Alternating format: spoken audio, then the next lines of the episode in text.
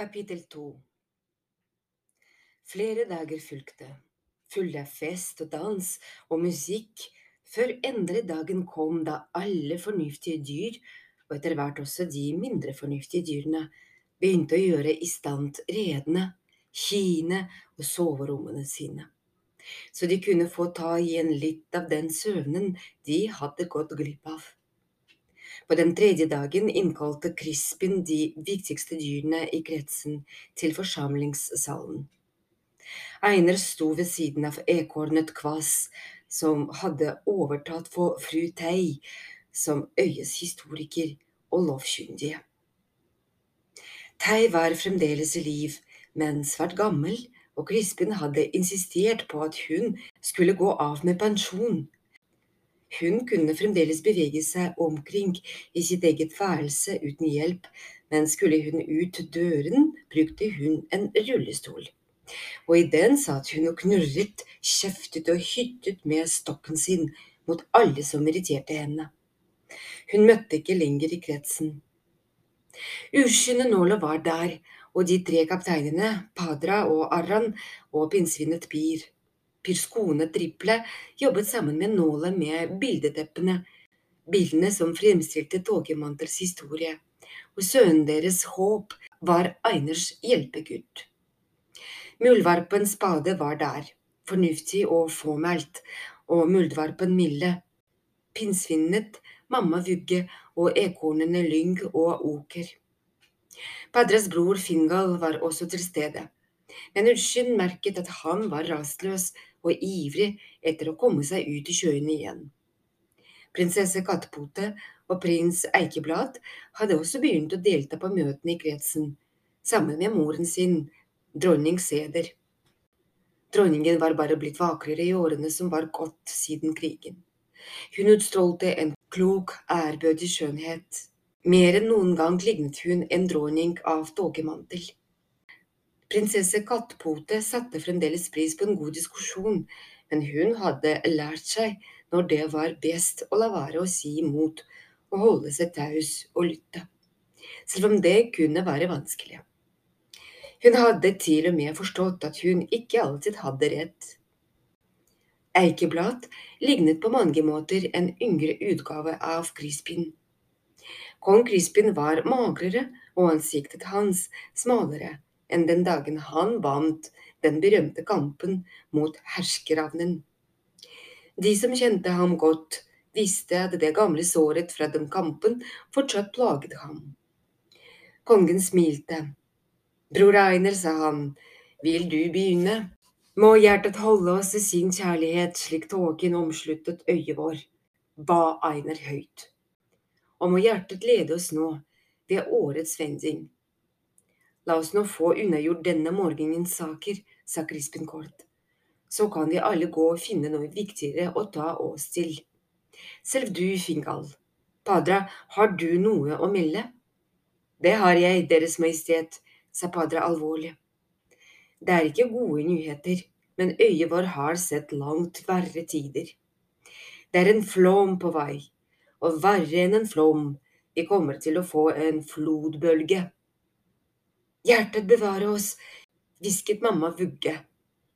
Fingal tok poten hennes. Urskin så at Milde bet seg i leppen. Kattpote kikket engstelig opp på faren sin.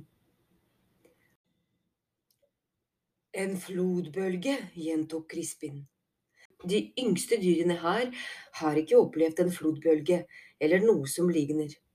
Jeg går ut fra dere har hørt om dem alle sammen, om hvordan haver reiset seg og slår inn mot land med en voldsom kraft. Bølgene skyller over øyet og legger øde alt som kommer i veien for dem. Det er ikke som en vanlig stormflo eller en stormbølge. Dette er mye verre enn de verste stormene vi har sett. En flodbølge er havet i sin fulle kraft, og en liten øy er ikke annet enn et hjelpeløst leketøy i dens svolt. Kaptein Padra og jeg mistet begge slektninger i den forrige flodbølgen. De fleste på øya gjorde det. Jeg husker det, sa Aran og kastet et blikk hen mot Padra. Padras far og min far var med og hjalp til med å redde de gamle og langsomme dyrene som ikke klarte å komme seg i sikkerhet tidsnok. Padres far ble skyldet på havet den natten, og vi fant ham på stranden morgenen etter. Jeg husker også den morgenen, sa Crispin. Han ville aldri glemme uttrykket i ansiktet til Padra. Den dagen han som ung åter hadde lovet å ta seg av lillebroren sin men den bølgen kom plutselig på oss, utenfor varsel. Denne gangen kan vi forberede oss. Har dere noen anelse om når? Nei, svarte Padra, men den er fortsatt langt unna. Og fra hvilken retning? Fra sydøst, tror jeg, svarte Padra, men det er vanskelig å si.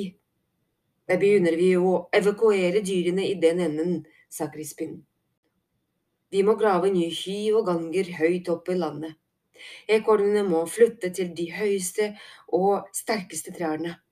Matlagerne må flyttes opp i fjellene eller dypt under bakken, i de tørreste og tryggeste hulene. Og Muldvardborgen må åpnes igjen. Kommer det ikke til å bryte ut panikk når alle dyrene får høre om det? spurte Eikeblad. Det er opp til oss å holde dem rolige, sa Crispin men de må få vite hva som venter dem. Padra, sendt otere for å patruljere langs kystlinjen i dag og se hva de kan finne ut om denne flodbølgen. Men de må ikke snakke om det. Vi lar resten av øya få vite det når alle oterne har rapportert tilbake. Kjære dyr, det er en fryktelig tid vi nå går i møte. Liv kommer nesten helt sikkert til å gå tapt. Vi vil se store ødeleggelser, og dagene etter flodbølgen kommer til å bli lange og vanskelige. Vinteravlingene vil måtte plantes på nytt, og hi og reder bygges opp igjen.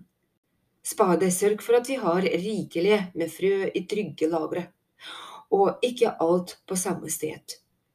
Jeg skal ta meg av det, Deres Majestet, sa Spade. Det vil uansett bli mange magre dager, sa Crispin og smilte for å berolige dem. Men vi har overlevd forræderi, sykdom og ravner. Vi vil overleve dette også. Nå, kjære dyr i kretsen, bli med kaptein Pir til Nordtårnet for å diskutere hvordan vi best kan forberede oss på flodbølgen. Padra, Arran, Einar, Kvass, Nåla, bli igjen her, er dere snille. Urskin og Fingal gikk ut av salen sammen etter Pir og de andre. Fingal sprang frem til mamma Vugge for å gi henne en pote, siden hun strevet litt med trappene, og Kattpote tok snarveien ut vinduet. Urskin stanset et øyeblikk og kastet et blikk over skulderen for å forsikre seg om at det ikke var skjedd en feil. En forsamling som inneholdt Nåle og Einer, pleide vanligvis å underholde ham selv også og han lurte på om kongen rett og slett hadde glemt ham. Men Crispin viste ingen tegn til at han så ham, og Urskin smatt ut et vindu og fulgte etter kattpote opp muren til Nordtårnet.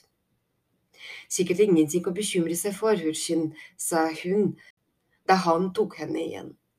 Det kan hende de snakker om deg, jeg mener snakker pent om deg. Inne i forsamlingssalen satte Crispin seg ned på podiet og nikket til de andre at de også skulle slå seg ned. Aron gned den venstre bakpoten før hun satte seg. Går det bra med deg, Aron? spurte Crispin. Jeg klarer meg, herre, sa hun. Den poten har aldri vært den samme siden vi sendte det ravnepakket på dør. Men det gikk i hvert fall verre med ravnene, sa Crispin. Vi har sendt det andre bort fordi vi trenger å snakke om kapteiner. Slike beslutninger bør tas før eller etter en flodbølge, ikke midt opp igjen. Så jeg vil ikke utnevne noen nye kapteiner nå, men vi må ta stilling til hvem det skal bli. Vi har allerede bestemt at vi vil ha én kaptein for hver av våre fire arter. Men hvis vi gjør det, er det ikke sikkert vi ender opp med de beste kapteinene vi kunne fått, påpekte Nola. Hva om vi ikke hadde noen dyr av én art som var gode nok, og to veldig gode eh, otere? Crispin smilte. De kan alltids gi meg sparken, herre, sa Arren håpefullt. Sludder, sa Crispin, vi kan ha mer enn fire kapteiner hvis vi trenger å finne plass til et dyr som utmerker seg. Spade er en meget solid muldvarp. Det er på tide at vi får en ny muldvarp, kapteinen. Jeg er klar over at muldvarpene ikke har ønsket en kaptein på mange år, fordi ingen følte seg verdige til å etterfølge Lugg. Men kanskje er tiden inne nå. Spade er fornuftig, godthjertet og får ting gjort. Og jeg mente det jeg sa, Deres Majestet, sa Arran. Padre er en selvskreven kaptein, men det er ikke jeg, og ting har forandret seg siden jeg ble utnevnt. Bølge går i lære som prest, og jeg skulle gjerne gitt ham mer oppfølging, og så skulle jeg likt å ha mer tid med Fion mens hun er liten. Hun nevnte ikke den andre årsaken, at helsen hennes aldri hadde blitt den samme igjen etter ravnkrigen. Selv smertene i bakboten var ikke noe hun snakket noe særlig om. Men Crispin forsto. Jeg vet hvorfor du vil dette, Arran, sa han, men du har fortjent gullringen din, du kan pensjonere deg hvis du vil, men du vil fremdeles bære tittelen kaptein. Men vi trenger et ekorn. Vi har tre utmerkede ekorn å velge mellom, lynk, Oker og Urskinn. Lynk og Oker er eldre og har lengre fartstid til kretsen. Begge to kunne ha blitt forfremmet for lenge siden, men de har nektet begge to fordi ingen av dem ønsket å forfremmes på bekostning av den andre. Vi må i så fall forfremme begge to, og for å være ærlig så tror jeg ikke noen av dem ønsker det. Jeg tror begge vil at det skal bli Urskin. Det gjorde de, og slik bør det bli, Deres Majestet, sa Nåla bestemt. Helt siden jeg møtte Urskin for første gang på Hvitving, har jeg vist at han var spesiell, sa dronningen. Han bør bli kaptein. Det er jeg sikker på vi mener alle sammen, sa hun.